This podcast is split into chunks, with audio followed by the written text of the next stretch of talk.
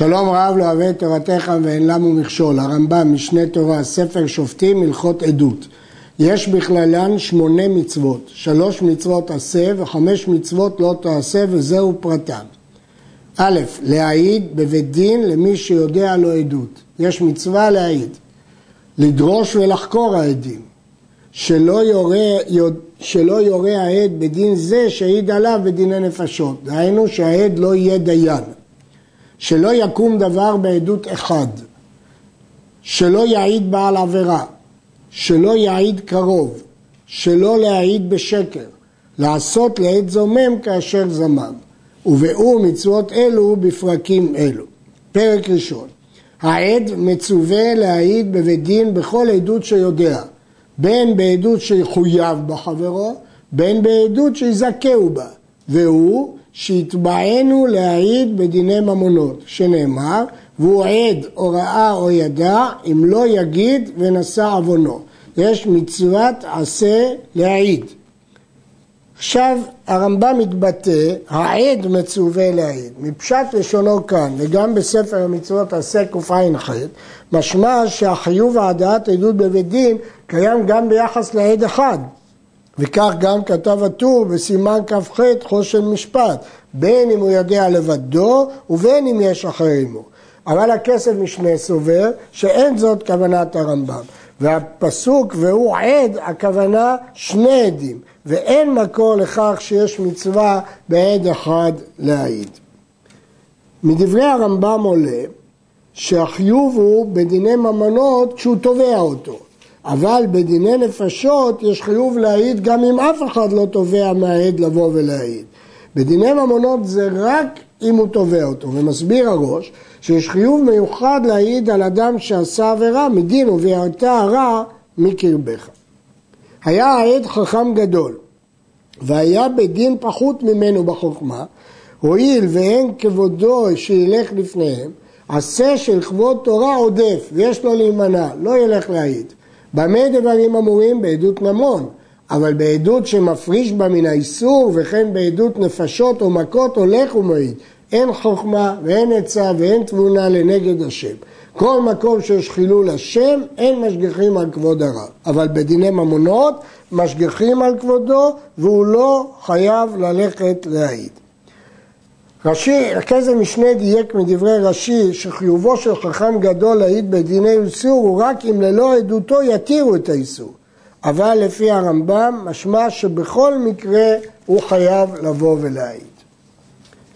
כהן גדול אינו חייב להעיד אלא עדות שהיא למלך ישראל בלבד, הולך לבית דין הגדול ומעיד בה, אבל בשאר העדויות פטור. גמרא בסנהדרין משמע שכהן גדול חייב להעיד רק בפני מי שכבודו גדול ממנו, כלומר המלך. כלומר, בדין שהמלך יושב בו. אבל מלשון הרמב"ם פה משמע עדות שהיא למלך, כלומר עדות שעניינה קשור למלך. אבל יש פה בעיה, כי הגמרא דחתה את האפשרות הזאת, והכסף משנה משאיר את הדבר בצריך עיון.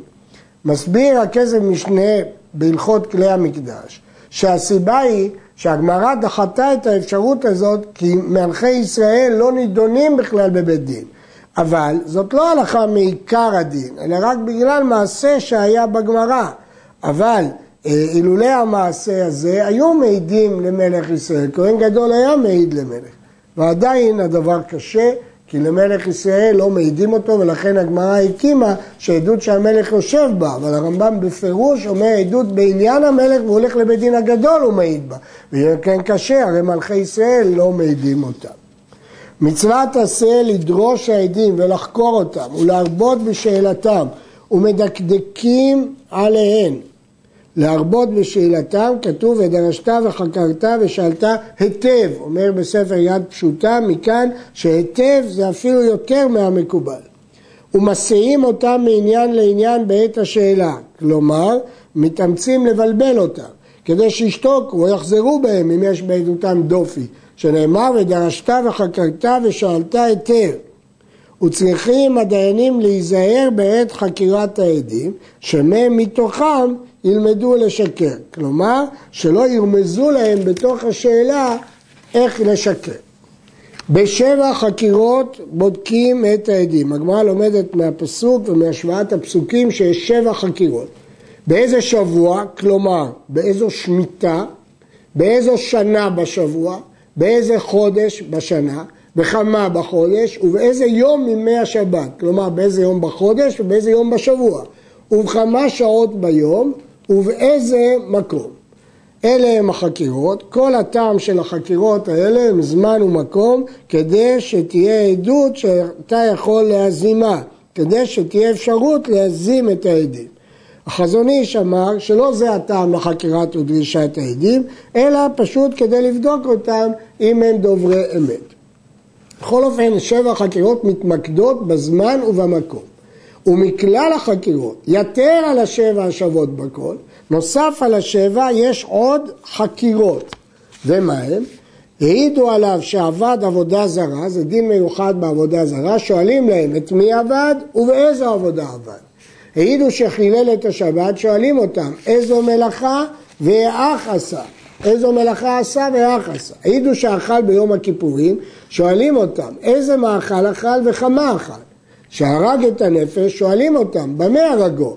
וכן כל כיוצא בזה הרי הוא מכלל החקירות. כלומר, לפי דעת הרמב"ם, חקירות הם שבע חקירות, הזמן והמקום.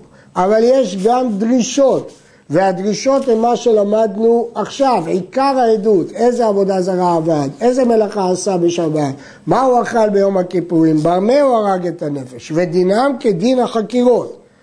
וכך משמע מלשון המשנה. אבל שיטת רש"י בסנהדרין, וכך משמע מהרעב"ד, שאין יותר משבע חקירות. וכל שאר השאלות במה הרג ומה עבד, הן מוגדרות כבדיקות, וכך הוא לומד את המשנה, שהתוספת על השבע הן רק בדיקות.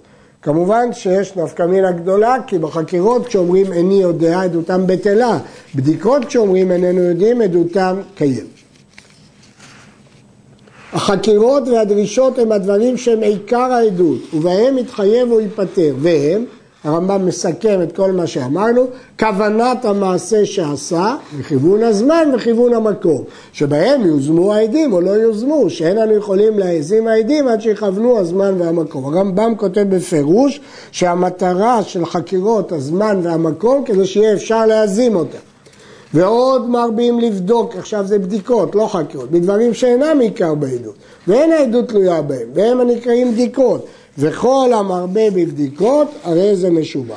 כיצד הן הבדיקות? הרי שהעידו עליו שהרג, ונחקרו בשבע חקירות שמנינו, שהם בכוונת הזמן והמקום, ונדרשו בכוונת המעשה, וכיוונו הכלי שהרגו בו, בודקים אותם מאוד, ואומרים להם, מי היה לובש הנהרג או הרג, בגדים לבנים או שחורים? עפר הארץ שנהרג עליה, לבן או אדום, אלו וכיוצא בהם הם הבדיקות, שדרגתם פחותה מהחקירות, כפי שנלמד בפרק הבא. מעשה שאמרו העדים, הרגו במקום פלוני תחת התאנה, ובדקו העדים, ואמרו להם, תאנים של השחורות היו או לבנות? או קצים של אותן תאנה, ארוכות היו או קצרות? וכל המרבה בבדיקות אלו וכיוצא בהם משובח לוודא האם העדים דוברי אמת. עד כאן.